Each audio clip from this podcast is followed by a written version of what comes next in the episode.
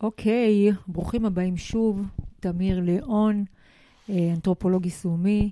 אנחנו בפרק המשך לפרק הקודם. בפרק הקודם דיברנו קצת על מאפייני הדורות, אלפא, Z, X, Y, עשינו קצת סדר, והפעם אני רוצה שככה נדבר, ניקח את דור האלפא, אתגר האלפא, מה שנקרא, ו...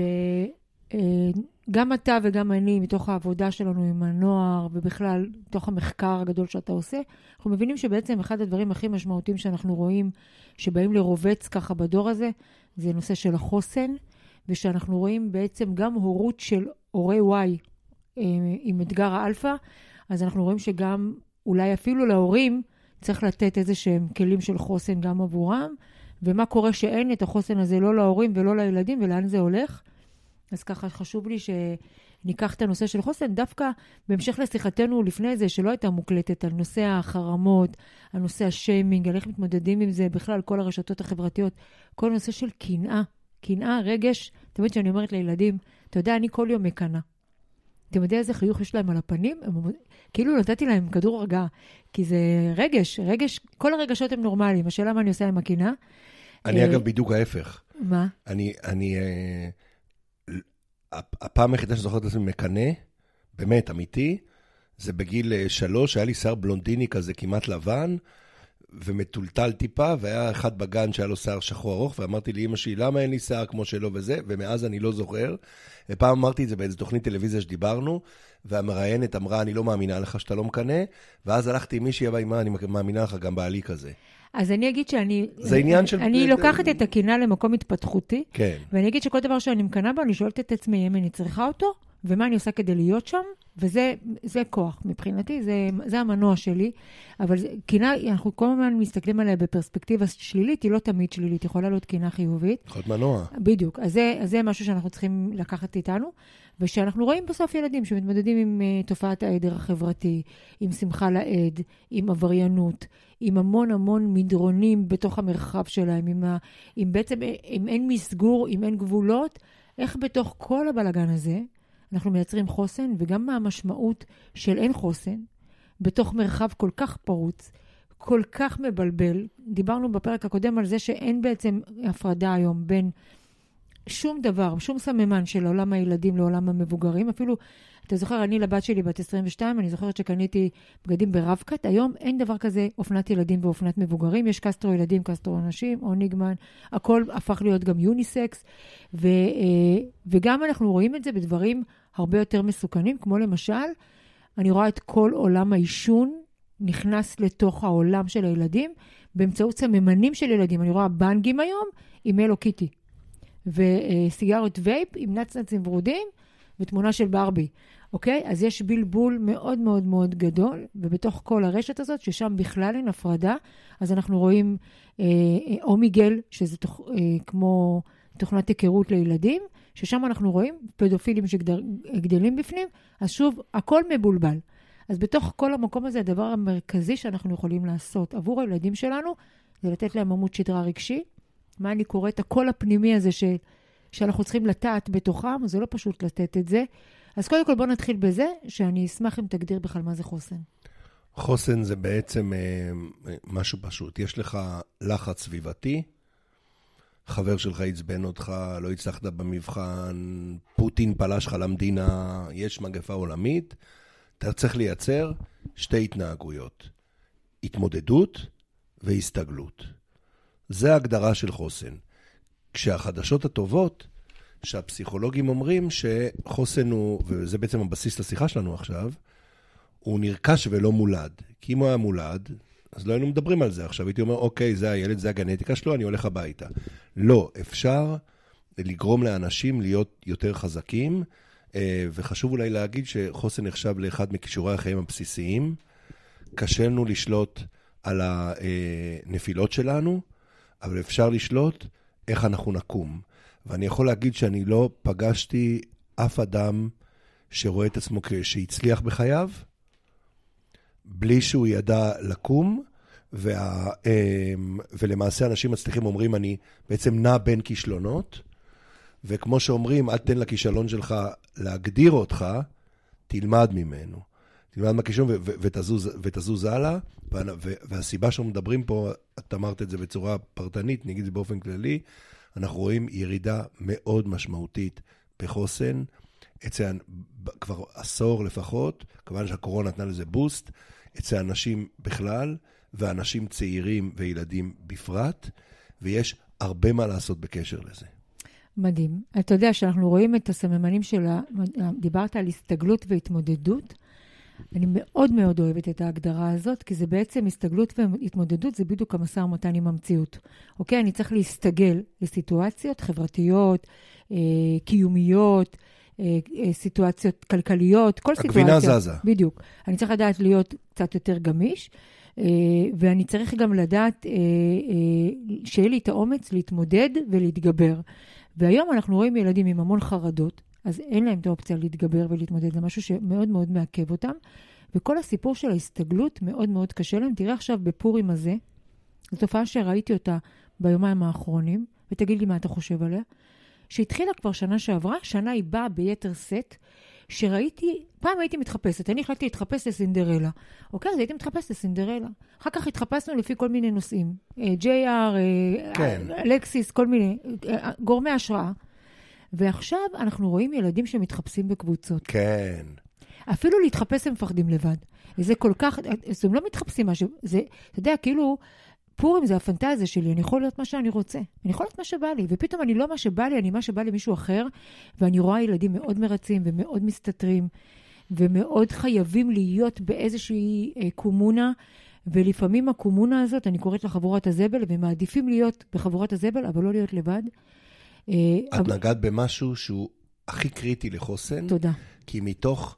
אם אנחנו סתם רושמים uh, בגוגל חוסן, לא משנה באיזה צורה נבוא לזה, לפעמים זה רזיליאנס, תלוי באיזה מונח באנגלית, uh, אז יש הרבה מאוד דברים שבונים חוסן, מדברים בסיסיים, שאולי נגיד מילה כמו שינה ותזונה, מטרות, ויסות רגשי, אופטימיות ריאליסטית וכל מיני דברים כאלה, אבל לפסיכולוגיה אומרים שהדבר החשוב ביותר הוא הסיפור החברתי.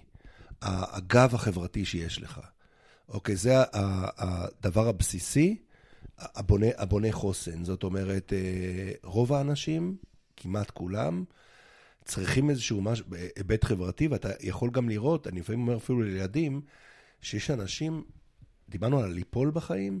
שיש להם, האגו שלהם לא מאפשר להם ליפול, ואז הם לא מתפתחים. אני אתן דוגמה על עצמי, קצת uh, מצחיקה, אבל הייתי נגיד, גלשתי, בחרמון, כאילו בזה, וכל כך פחדתי ליפול, והילדים שלי גולשים, כאילו רצים בזה, ולא היה נעים בזה, אז בעצם כל היום לא נפלתי. לא נפלתי לא בגלל שאני טוב, אלא בגלל שלא לקחתי סיכונים. Mm-hmm.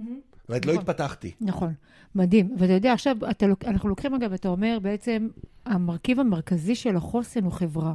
בעצם אנחנו יונקים, גדלים בלהקות, אנחנו חייבים שיהיה לנו איזשהו גב חברתי. עכשיו אנחנו מסתכלים מציאות. מסתכלים על מציאות של ילדים בדור האלפא. שמאוד מאוד קשה להם חברתית. דיברנו בפרק הקודם בעצם על המיזם הזה, שהם אפילו לא יודעים להכיר אחד את השני, הם לא יודעים לייצר שיחה. הם לא להתחיל, אני זוכר שאמרה לי מישהי, אני מצטט ילדה שדיברתי איתה, הייתה ביוד, והיא אומרת לי, מדברת איתי בצד, היא אומרת לי, אני מקנאה בדודה שלי. אני אומר לה, למה? היא אומרת, אני לא זוכר להתבטא, דודה שלי, בן אדם, את יודעת, כמוני כמוך, שהיא מדבר עם אנשים, והיא אומרת, אני, אני מצטט אותה, אני, היא אומרת, אני, אני באה לחברות שלי ואנחנו אומרות, מה העניינים, ואז... שתיקה. אנחנו לא, לא יודעות מה להגיד. נכון. ציטוט. ואז, בדיוק. ואז, אז, ודרך אגב, תדע שהשתיקה הזאת מאוד מאוד מלחיצה אותם. Mm. מאוד מלחיצה מה אותם. הם עושים בקשר לשתיקה? הם פשוט נמנעים. יותר מזה, שמת לב שתמיד ילדים, אה, תמיד, כל הזמן את שומעת שעם עם מוזיקה עם, עם טלפון? כן. שתי סיבות, א', כי הם יכולים, ב', אם את ואני נדבר עכשיו, אולי לא בפודקאסט, סתם נדבר עכשיו בחיים, אז זה בינינו רגעי שתיקה יכול להיות. אנחנו מסתדרים איתם. נכון. הם לא יודעים להכיל את זה, הם... אז המוזיקה זה רעש לבן כל הזמן ברקע. אני אגיד לך מה, הם לא, לדעתי, תגיד לי מה אתה חושב על דעתי, שבשתיקה הזאת הם חשופים. שתיקה, אתה פוגש את עצמך. הם מרגישים, בדיוק, שבשתיקה הזאת בעצם... אה, הם, הם, הם, הם הופכים להיות... רבי נחמן הם, דיבר הם, על זה, הם, כל הם המטרה הופכים... של ההתבודדות, של הדבר הזה, אני רק אגיד משהו על, על עצמי, פשוט בשבוע האחרון עברתי את זה, אני כבר די הרבה שנים בוועד מנהל של עמותה שנקראת דרך לוטן. אנחנו לוקחים אה, אה, נוער בסיכון מכל הארץ, כל הכפרים, כל משרד הרווחה, למסעות הישרדות במדבר. זה חמישה ימים, זה נחשב בוסט של שנת טיפול. זה נוער, רק נוער בסיכון, ומבוגרים בסיכון, ובתי בתי סוהר וכולי. וחלק, ועכשיו זה, זה חמישה ימים, שאתה לא רואה שום דבר, אתה לא רואה אף גירוי, ואתה הרבה עם עצמך לבד, וזה נורא קשה להם. Mm-hmm. אתה עובר לילה לבד, וזה פשוט, אתה רואה איך הם צומחים מזה. ואין כן. לך את זה, אני הייתי בוהה בחדר, יושב בחדר בוהה. נכון, אז הם בורחים למסך. הבן שלי פעם אמר לי, היום, היום לא בוהים, אבא, כי יש תמיד מסך. נכון, אין להם בעצם את הרגע הזה. שבו הם עם עצמם, הם לא שוהים עם עצמם, הם לא מכירים את עצמם, הם מאוד מנותקים עם עצמם, הם מאוד בעצם אה, איזושהי בובה שמשחקת את התפקיד במחזה עכשיו של האינסטגרם, והם לג... אני אגיד לך על זה משהו יותר מזה, שאת בטח רואה אותו כל הזמן, ולמעשה את אמרת אותו בלי לשים אותו על השולחן. דיברת בפודקאסט הקודם שעשינו על זה שזה כאילו אימוג'ים ואין זה. מה בעצם הסיפור פה? כולנו יודעים, וזה, כולנו יודעים שנוער נגיד קורא פחות וכולי, והשפה שלהם הצטמצמה. דרך אגב, באנתרופולוגיה אין עם זה שום בעיה. באנתרופולוגיה שפה צריכה לעבוד. אם מבינה אותי, הכל, אין דבר כזה שפה יפה. Mm-hmm. אבל מה קורה? הרי השפה הכי חשובה, וזה בסיסי לחוסן, היא מה שאנחנו קוראים השפה הפנימית. שפה שבו אתה בעצם, אה, היא לא חשופה לנו, לפעמים אולי אנחנו קולטים אותה מתעוררים מחלום. היא שפה שבו אנחנו בעצם, השפה שאנחנו באמצעותה חושבים. תחשבי שאת בן אדם, ילד נגיד, שעובר כל הזמן אירועים רגשיים, חברתיים וכולי, הוא צריך לאבד אותם. מה קורה שהשפה שלו לא מספיק רחבה כדי אה, לקרוא לדברים בשם? והיום את בטח רואה את זה כל הזמן, אני רואה ילדים מגיעים לטיפולים, ואומרים רגשית. להם, שאתה רגשית. מרגיש ככה, זה נקרא ככה. את... אומרים להם כדי שיתחיל לעבוד. אני ראיתי בחור בגולני, במילה האחרונה, הוא יוצא איתי החוצה, בן שבעה, קצין בגולני צעיר, והוא אומר לי, תקשיב, הוא לא ידע איך להגיד לי את זה, הוא אומר לי, אלה שאני עובד איתם, המפקדים, החיילים שלי, הוא אומר לי, הם לא יודעים מה הם מרגישים, ואני אומר להם, הם אומרים, כן, כן, נכון, נכון. הוא אומר לי, הם נעים, הוא ניסה נכון. לתאר לי, הוא לא הבין איך, אתה... הם נעים, והם, כן, נכון, בדיכאונות, ובכלל לא מבינים שהם עוברים את זה. נכון, אז אתה יודע, אתה רואה את הלוח שיש לי כאן? ילדים לא יודעים רגשות, אז יש לי פה לוח, שמופיעים פה כל הרגשות, וגם כל הצרכים. ושהם לא יודעים מה הם מרגישים, אני אומרת להם, תסתכלו בלוח. ואז יותר קל להם לשיים. אבל זה בדיוק המקום שאני רוצה שזה יהיה להם בתוך, שהלוח הזה יהיה אינטואיט. כן. ומי שצריך לתת את הלוח הזה זה ההורים. עכשיו, כן. שיח רגשי לא קורה, בוא, בוא רגע, אני עושה שנייה רגע רוורס אחורה, דיברנו על הקטע החברתי. ו- ואני אומרת, בסוף, איך אנחנו מייצרים, הורים עכשיו שומעים אותנו, אומרים, טוב, מה, איך את רוצה שאני אייצר להם חברים בגיל 13? אז אני אגיד שאני חושבת שהדבר שה- הראשון שאנחנו צריכים לעשות, וזו דעתי האישית, זה שיח רגשי בתוך הבית. ושיח רגשי בתוך הבית היום הוא שיח תפעולי. זה, ראיתי במשוב שקיבלתי 11, למה לא הורדת את הכלבה? למה לא למדת למבחן? עוד פעם אתה בחדר, מה אתה אוכל? וגם המון המון שירות. אני אביא לך, אני אעשה לך, אני אקנה לך, אני כפרה חיים נסיך מלך. ובסוף השיח שלנו עם ילדים שלנו הוא מאוד מאוד תפעולי, מאוד מאוד מתקתקים אותם, אנחנו לא שוהים איתם. דרך אגב, שוהים, זה נמצאים בשתיקה גם לפעמים, ביחד בשיחה שהיא... הילדים זה פרויקט. יופי.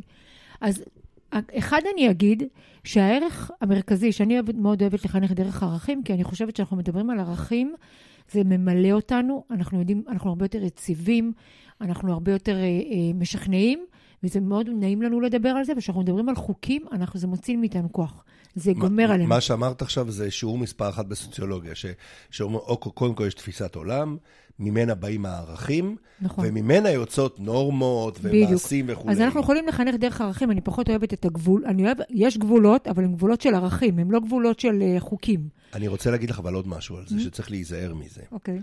כי כשאת אומרת את זה, אני יודע למה את מתכוונת. אבל הרבה פעמים אתה רואה במערכת החינוך שיש חינוך לערכים. עכשיו רגע, אני בטוח לא נגד ערכים, אבל מה קורה בחינוך לערכים? אתה רואה, אני אדבר עכשיו בצורה סטריאוטיפית, בסדר? Mm-hmm. קחי ילד עכשיו, אה, בכוונה אני זורק עליו קלישאות. אה, בוא ניקח תלמיד טוב במנהיגות ילדים, עוזר במשהו, פרויקט של התנדבות, אחרי זה קצין בצבא, זרקתי כל מיני אה, דברים. וחרא של בן אדם, שרע לחברים שלו ומפלה נשים והכל, וזה בא ביחד. למה זה קורה? כי היום ניתנו מה שנקרא חברה א-ערכית, לא לא ערכית. אתה רואה, ערכים הוא כאילו, בציניות, הוא קנה את הערכים. אבל ערכים חייבים לבוא ב- ב- להיות בשורה... מוטמעים. מתפיסת עולם. יפה, אז זה בדיוק מה שניסיתי להסביר. ממנה באים, ואם אתה נכון. קונה אותם, אתה קונה כמו שקונה... נכון. ואז אתה רואה זה, חברה זה אימוג'י, לא לא זה ערכית. כמו, כן. זה כמו אימוג'י. נכון, אז, אז על זה אני מדברת. אז אני מדברת על זה שאם אנחנו רוצים לחנך, אני רוצה שאני, בבית שלי, מחנכת משני ערכים מרכזיים, שאחד מהם הוא משפחתיות והשני הוא כבוד, אוקיי? וכשאני מדברת על ערכים של משפחתיות, אני מדברת על זמן משפחה. ואני מדברת על אחדות ורעות, שדרכם אפשר, ל... בתוך משפחה. אבל רגע, מה שאמרת הוא- כבר כלי. זה, אתה- נכון, אתה- זה הכלי שאני לאור- רוצה לתת. לפני שאתה, לפני שאתה בכלל, כי את בחרת ערכים של משפחתיות וכבוד. כל אחד יכול לבחור מה אתה- שהוא רוצה. אתה, אתה צריך להגיד להורים, כאילו בהיבט כזה, אתה יכול להגיד להם, קחו. יכול להיות שאתם כזוג הורים גם, לא מסכימים על הרבה דברים, שזה סבבה. נכון. תבחרו לכם. עכשיו, מה אתם כן גג מסכימים? שלושה ערכים, לא יותר מזה. שאתם מסכימים עליהם. אמרת שני ערכים, זה היה נפלא. נכון. גג, שניים, שלושה ערכים, שלם אתם מסכימים לזה, ומשם הכל צריך לצאת. אני קורא- אני למשל, אחד מהערכים שאני מדבר עליהם, יש לי ערך של משפחתיות, אתם ביחד בדיוק כמוך, יש לי גם ערך שלישי של בטיחות. עכשיו, אוקיי. כי, כי אני יודע שלפעמים, עכשיו, בטיחות זה ערך שגדל איתך, כשאתה קטן זה להכניס את היד לשטקר, כשאתה גדול אולי לקחת סמים. כן, אבל יש אותו גם בתוך משפחתיות, בטיחות, נכון. כשאני אומר בטיחות, אז כאילו יודעים שנגמר הדיון. זאת אומרת, עכשיו אני קיר, כי בטיחות לא משחקים. אם הגדרתי, אני לא רץ להגדיר שם, אבל תחשוב, מה שאמרת זה כלי נפלא. נכון. קודם כל, קודם כל בואו בוא, בוא תשבו עם עצמכם ותמצאו, הנה אפילו קחו את אה, רשימת הערכים נכון. באינטרנט, תמצאו שניים, שלושה, ש, שזה הבייס. דרך אגב- היה- מה קורה? אתה אומר כל הזמן, הם אומרים כל הזמן, כמו שתיארת בדיוק, לא, לא, לא, לא לילד, הורה שאומר כל הזמן לא, לא, זה בדיוק כמו הורה שאומר כן, כן, כן, כן. נכון. הילד לא מבין מה חשוב, אין תפיסת עולם. נכון. ואז הוא, הוא, אז הוא, אתה, הוא מבין מה שהיה חשוב לך, זה התפיסת עולם שאתה מעביר. נכון. מעולה. וזה ה modeling. זה ה modeling, מעולה. ואני אגיד שאני מטפלת בהורים, ויש לי דף, דף עבודה שאני נותנת להורים על איך בונים מצפן ערכי משפחתי. מעולה. שמתחיל במצפן זוגי, שקודם כל יושבים... כמו חזון של חברה. בדיוק, בדיוק. ומה אתם כן מסכימים, מה אתם לא מסכימים, אל תסכימו, מה אתם כן מסכימים, תעשו פשרות, כי גם זה modeling. כי גם זה modeling. אז, אז, אז אני חושבת שמשפחתיות היא בסיס לחברה, והיא המקום שדרכו אנחנו יכולים לייצר ולאמן אותם בלייצר שיח. אז ארוחת ערב משפחתית פעמיים בשבוע, לא כולל יום שישי, כלי פרימיטיבי, מאוד פשוט, שבו צריך להקדיש חצי שעה, פעמיים בשבוע, על לשבת, לאכול ביחד ארוחת ערב, בלי אה, ניידים, בלי אה, תף, תלך, תביא, תעשה וכו', אלא עם שיח באמת רגשי.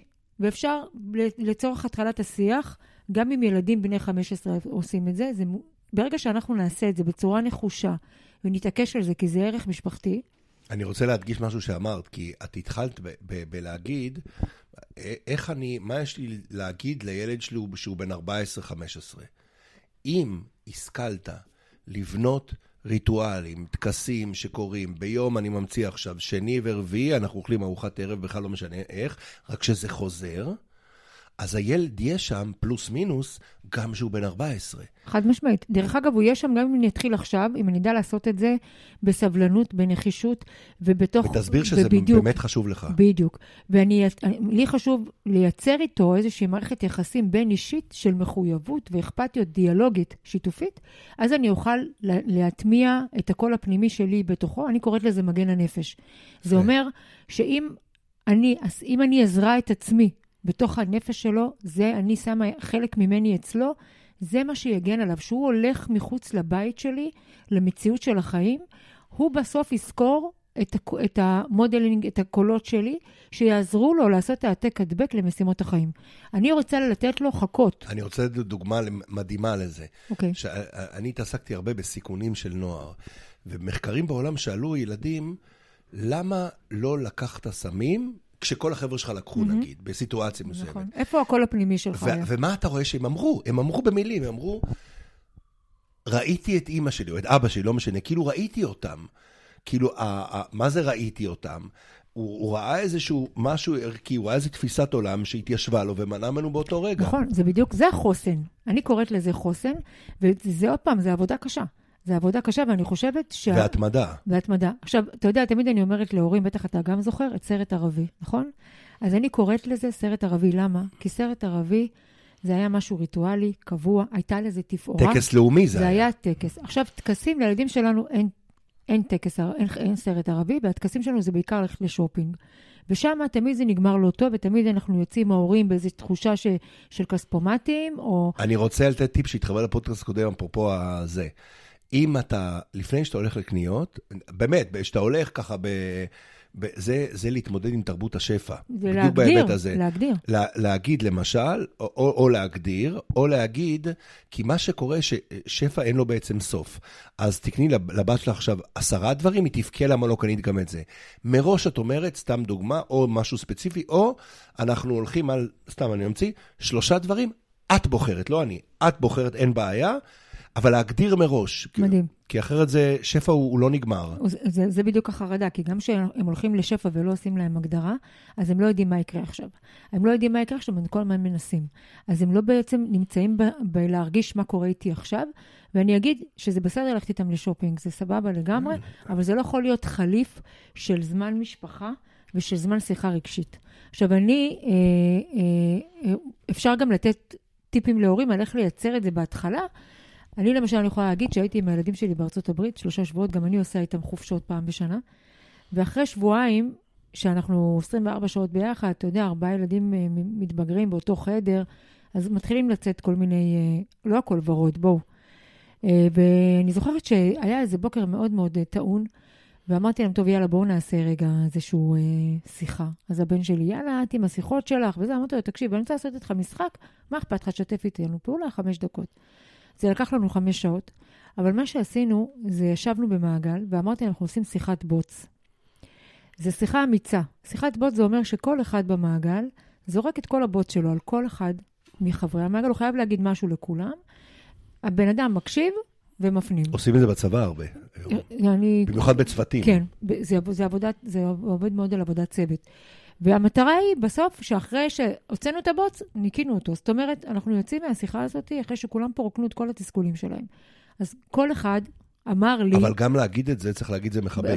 בערך הכבוד אמרנו, כן. כבוד ומשפחתיות זה שתי ערכים מרכזיים. אה, אז, אז נאמרו דברים, ו, אה, והובנו הרבה דברים, וגם יש אפשרות להגיב ולהתנצל. וזו שיחה שגם מכניסים בה קצת הומור, אה, ו, ומקלילים אותה, אבל בסוף דברים מייצרים אה, אפשרות ללמד שיח. הנה בדיוק ככה מייצרים שיחה. הנה בדיוק ככה מתמודדים עם עם התמודד... דיברנו על התמודדות, נכון? הנה ככה מתמודדים עם כאוס.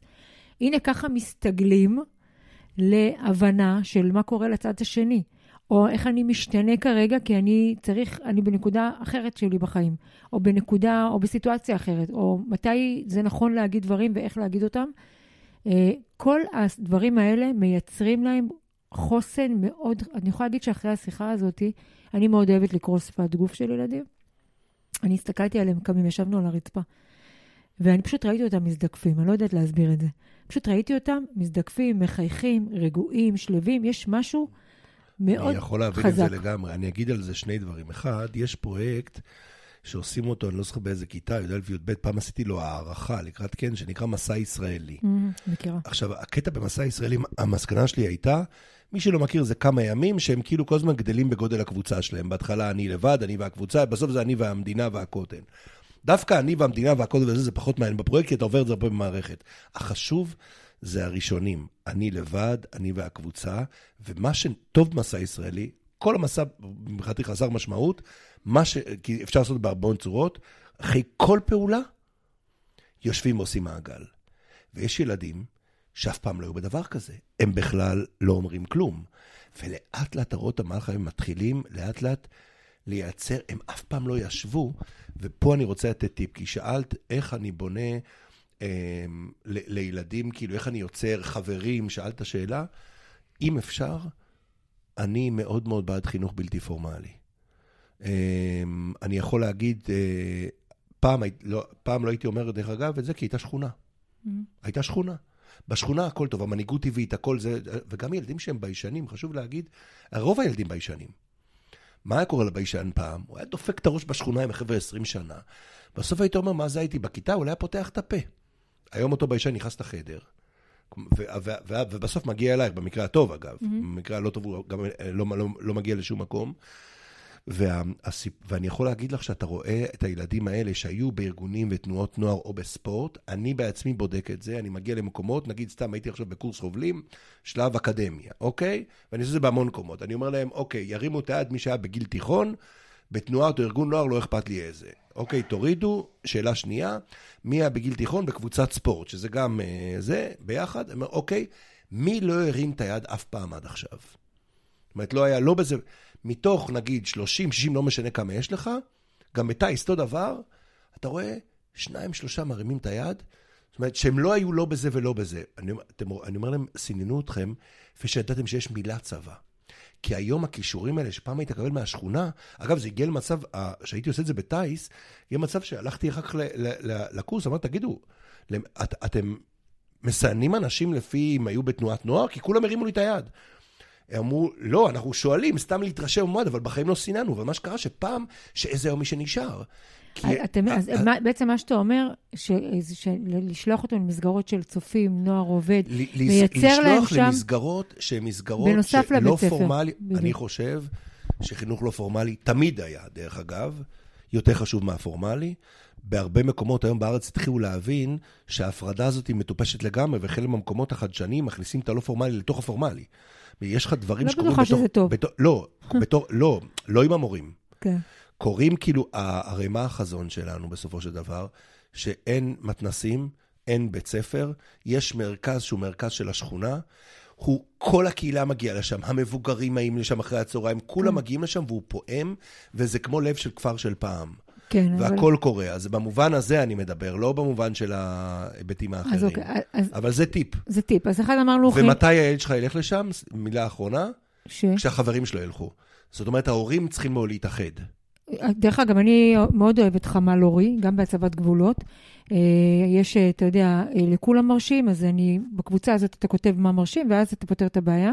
אז אפשר לעשות חמ"ל הורי ולקבוע, למשל, שמאשרים להם לחזור בשעה מסוימת, שלא מרשים אלכוהול, ושקובעים את הפרויקט זה הכי הרכב. חזק בזה בארץ, הוא כבר במאות בתי ספר, הורים מניעים אותו, נקרא תנו לגדול על שקט. נכון. וזה פרויקט שהורים ביחד מחליטים. מחליטים שאין טלפונים. אה, יש אולי פשוטים, נכון. וגדלים ביחד. ואז זה לא אומר, לי יש, אין טלפון יותר, כי לאף אחד אין. מהמם. אז, זה, אז זה, זה גם משהו שאפשר לעזור. אז אמרנו שאנחנו, אה, אחד, נותנים את הסיפור של המשפחתיות כדי ללמד אותם בעצם גם שיח רגשי, גם אה, אה, פחות אה, אה, להיות בתפעול איתם, אלא יותר בקטע אה, המשפחתי, החברתי, ההבנה של צרכים של אחרים, התחשבות, אכפתיות, שזה משהו שהוא... אה, מרכיב אחד בתוך בניית החוסן. אני אגיד עוד משהו חזק שחשוב לי להגיד את זה.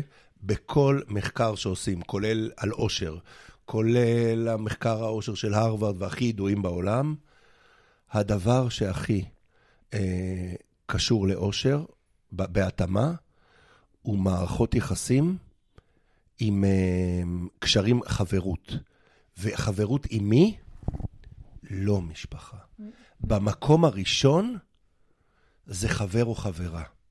דרך אגב, אני לא יודע למה. בסטיס. מבחינת התמיכה, התמיכה באושר. זה לא שמשפחה לא חשובה. ברור. כן, אבל בגלל זה אני אומר להורים, אני מאחל לכם, ובואו נדחוף את זה, שיהיה לילד שלכם, ילד ילדה, חבר טוב. ואומרים לי, מה זה חבר? אני אומר להם, הגדרה שלקחתי ממאסלו ועשיתי אותה, גיוונתי אותה טיפה, אני אומר להם, מקום שבו הילד שלך יכול להוציא את המתיקות שלו, ואף אחד לא מנצל את זה. היום אנחנו מבינים שילד רואה modeling כזה, הוא לוקח את חוסר הציניות במערכת היחסים, ומשכפל את זה מערכות היחסים מדהים. בחייו, בזוגיות, בהורות, מדהים, בהכל. אבל זה מאוד מחבר, אחד. זה מאוד מחבר אותי, שהרבה פעמים מורים אומרים לי, יש לו מלא חברים. אז כשיש לו מלא חברים, מתחיל לדלקת לי נורה אדומה. לגמרי. כי מלא חברים אומר שאין לו חברים. אה, ותבדקו תמיד שלא צריך מלא חברים. צריך חבר אחד או שניים. יכול להיות שיש לו מלא בסדר. חברים, וצריכים לראות שיש לו את שבתוך האלה שלו, כן. בתוך המלא חברים, בסוף יש לו שניים, צריכים, צריכים שיהיו לו בסטיס, שהולכים, שבאים, שאתם מכירים, שנפגשים, שהם כאילו איזשהו עוגן עבור אותם ילדים בתוך, בתוך כל המעגל החברתי. אז דיברנו על זה, ואני רוצה לדבר גם על תחושת שייכות.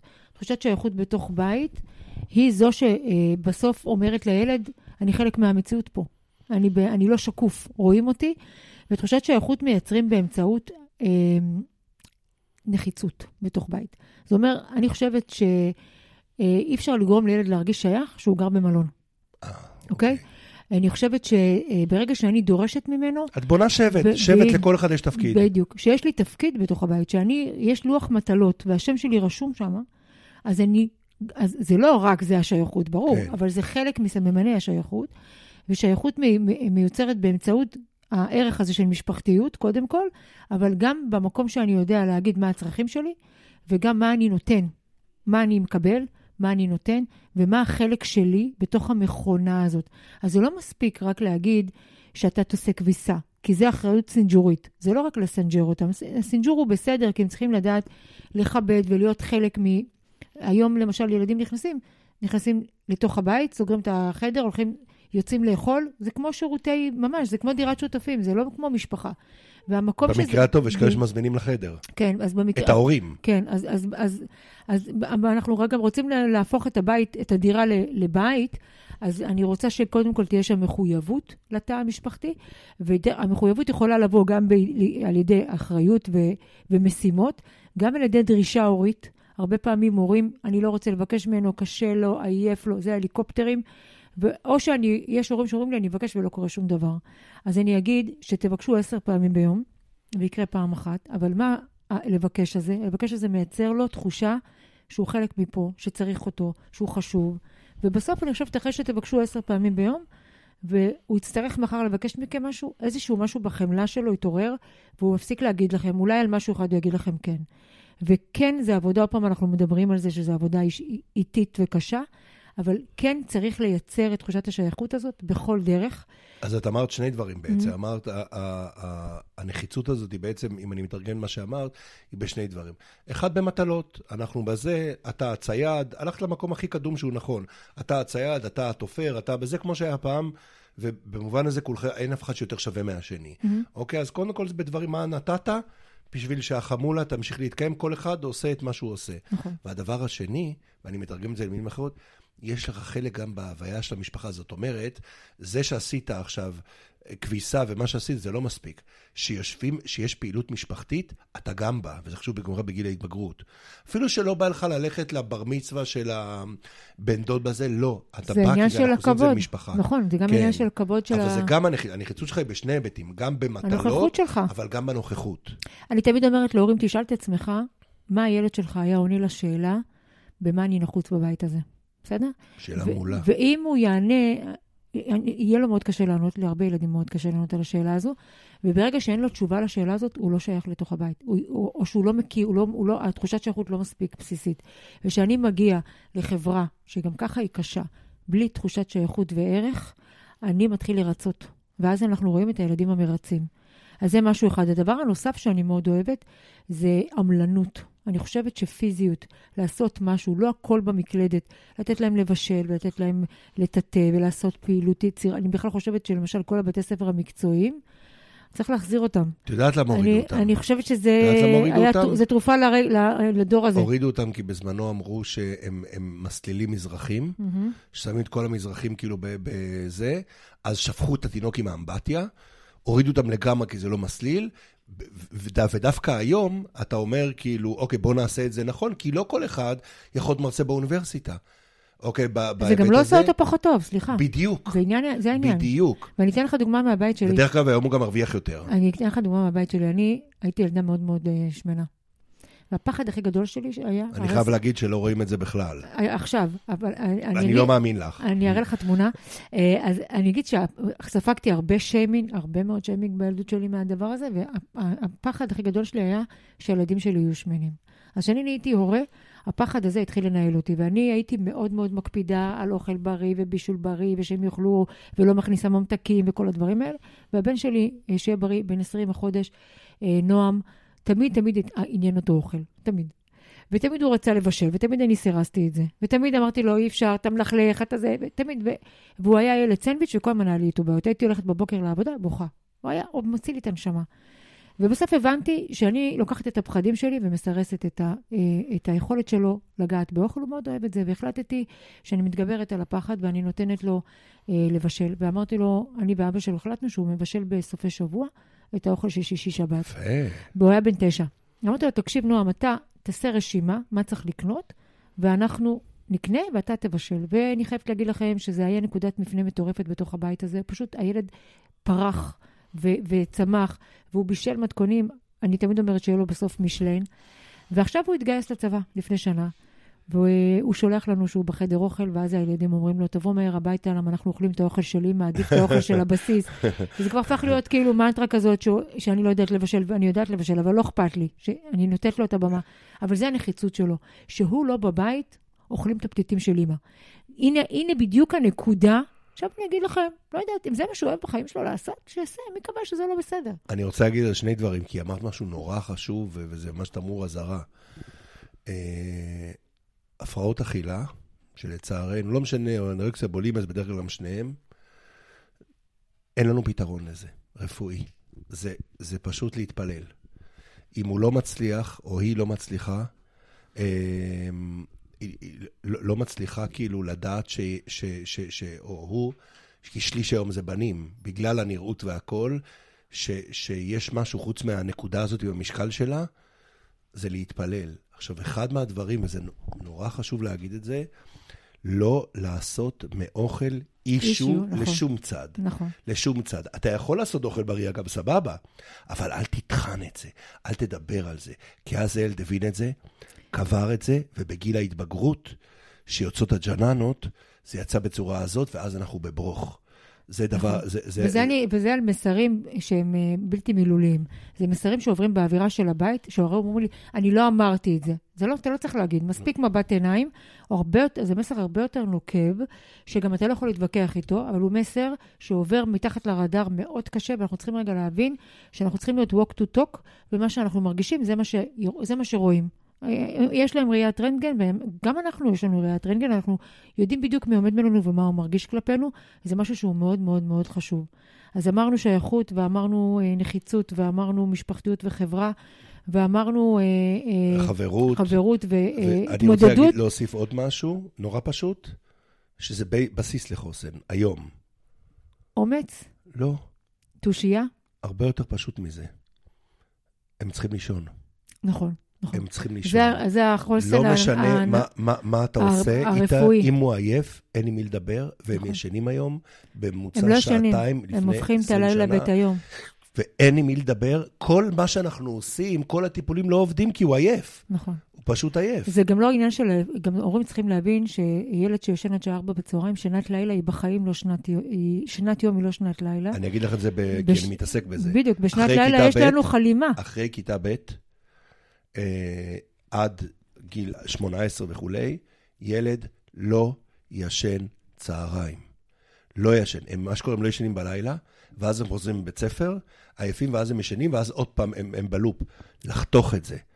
מעבר ללופ, אני אגיד שאנחנו ישנים בעצם, קודם כל אנחנו גודלים. ודבר שני, יש תהליכים שהמוח מאבד חוויות, מסרים, הזיכרון מתחיל להיות... אה, כל הבסיס הרגשי והנפשי קורה ומתעצב בשינה. וזה קורה, דרך אגב, דרך חלימה, שקורית רק בלילה. בסדר? אה, אני יכול לדבר על זה הרבה, אפשר. אני אגיד את זה רק פה, כי אין לנו הרבה זמן, במספרים. למבוגר, לעומת זאת, שנת, אני לא מדבר על סוף כן, שבוע, ברור. שינה שהיא בין 20 ל-45 דקות, תרופה, נכון. היא, היא מצוינת. נכון. power nap, מה שנקרא. 20 דקות. אנחנו מדברים על שנת צהריים שילדים ישנים, ישנים כמה שעות, אז אתם מבינים שזה לא, לא שנת לא, צהריים. לא, לא, צריך לחתוך את זה. בדיוק. צריך לסדר להם את היום ואת הלילה, וזה שאומרים לי, הורים, אנחנו בחופש, אז יופי שאנחנו בחופש, אבל יש, יש לנו חצי שנה בשנה חופש, אז קצת צריך לראות. אני יודעת שזה קשה רגע לראות איך מסדרים את זה, כי יש פה עניין תרבותי מאוד מאוד מורכב, שקשה מאוד להתמודד איתו, אבל אנחנו צריכים בסוף, לדעתי, לייצר גם, דרך אגב, תושייה ואומץ, לצאת לאתגרים, להאמין בעצמך. לדעת שאתה יכול, ולא להישאר באזור הנוחות, מה אני קוראת לו נוח, נכות. להיכשל. להיכשל, ליפול. חוץ מהנקודת אל-חזור. אל תיתנו להם להיכשל בסמים, באונס, בזנות, בעבריינות. תיתנו להם להיכשל במבחן במתמטיקה, לא נורא, לא קורה שום דבר. Uh, אני עשיתי שלוש יחידות מתמטיקה, מועט, ואני תכף עושה דוקטורט, הכל בסדר. חבר'ה, זה, המספרים האלה לא מייצרים שום דבר. Uh, וזהו, וזה, אני אגיד שזו עבודה מאוד קשה, אבל uh, אין, אין, אין דרך, כמו שנאמר, אין קיצור דרך. אני רוצה להגיד עוד משהו על זה. Uh, בהיבט הזה, היום דיברנו כל הזמן על הורים, בואו נזרוק מילה אחת. על הדור. על, על אחאות, mm-hmm. על להיות אח או אחות. Mm-hmm. זה מעניין, כי בפסיכולוגיה פעם בכלל לא התייחסו לזה. חוץ מאדלר, אני חושב, כי פרויד, יונג וכל אלה היו או בנים יחידים או, או, או בחורים. נכון, הם התייחסו רק או- לצרכים אוקיי, של האדם. האחות של פרויד, תשע קטעים, היא נגנה בפסנתר, פרויד אמר זה מפריע לו, אמא שלו זרקה את הפסנתר מהבית. הוא היה בן מועדף. ולאחרונה אנחנו מבינים שאח או אחות, גם בגלל שההורים עובדים, מעצבים את האישיות של האחים שלהם יותר מההורים בשנים האחרונות. וואו, כי זה קבוצת השווים. מה את סיפרת לי פה בלי לספר לי? שאת גידלת כאילו בזה, שהיית אחות הבכורה. מה, אני, יכול להיות שכל מה שבא לך ומה שעשית, היה מהאחריות שאת קיבלת על, על אחות נכון. יותר קטנה. זה היה החוסן שלי, אחריות. שאני- ש- כשאנחנו נותנים להם אחריות, אנחנו מחזקים אותם. וזה וזה לא המקום היחידי מבינים. שאני רואה אותם לפעמים, שפתאום ילד שכאילו לא אכפת לו מכלום, פתאום אתה אומר לו, רגע, אבל מה אחיך הקטן, פתאום אתה רואה שהוא נעצר.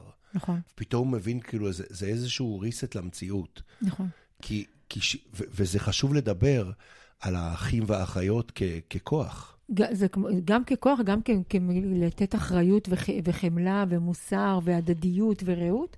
וגם אני אוהבת לתת, להשתמש בבעלי חיים. אתה יודע, לי יש את השני בולדוגים המהממים שלי, שהילדים שלי אחראים עליהם מאלף ועד תף, וזה כמו לגדל תינוק. הם אחראים עליהם, על הטיפול שלהם, על מצב הרוח שלהם, על תשומת הלב שצריך לתת להם. הם לא יודעים לדבר. וכשילד מקבל אחריות על בעל חיים, הוא כאילו, מג- הוא, זה כמו לגדל תינוק. יש משהו שאנחנו לא מדברים חזק. עליו, הוא מאוד uh, חזק. Uh, קחי כלב שבדרך כלל חי 10-15 שנה, ומלווה את הילדים, וזה להרבה ילדים, אחת הפעמים הראשונות שהם מתמודדים עם אבל. עם, נכון, עם אבל. נכון. אבל אתה יודע, זו גם התמודדות. לא, התמודדות. זה גם התמודדות. אני מעדיפה שהם יגדלו כלב 15 שנה ויתמודדו עם אבל. נכון. כי הם יהיו אני- הרבה יותר חסינים שהם יגיעו לשם. כן. זה כל הסיפור שבסוף צריך להבין, אני אסכם את זה, שחוסן מתפתח לא ב... שאנחנו בציר הרגשות הכואבים, בסדר? בתסכול, בכאב, בצער, בקושי. שמה מפתחים חוסן. לא מפתחים חוסן בחנות נייק, לא מפתחים חוסן בפיצוי יתר, לא מפתחים חוסן בשפע, לא מפתחים חוסן בלעשות עבורם, שמה אנחנו מפתחים נכות. זה בדיוק ר- רגשית יש ופיזית. סלוגן כזה, תקופות קשות מייצרות אנשים חזקים. בדיוק. זה כמו, שה, אה, כמו המשפט שהגלים מתחזקים, מתגלים החזקים. אז יפה. אה, כן. טוב, וואי, תמיר, מילה לסיום? איזה כיף היה לדבר איתך. אתה שמת לב שעברו לנו 42 דקות? כן, וואו. מה אמרתי, אוקיי, אולי מתישהו נתחיל את הפודקאסט, וכי אנחנו ב... כן, מעולה. טוב. נגענו גם בהרבה דברים, גם נתנו, נתנו פה קצת כלים, כאילו, אחלה. חשובים. תודה שהיית איתנו, היה כיף לארח אותך, ותעקבו אחרי תמיר, כאילו, ממש ממש ממליצה. תודה, ולהתראות בפרק הבא. ביי ביי.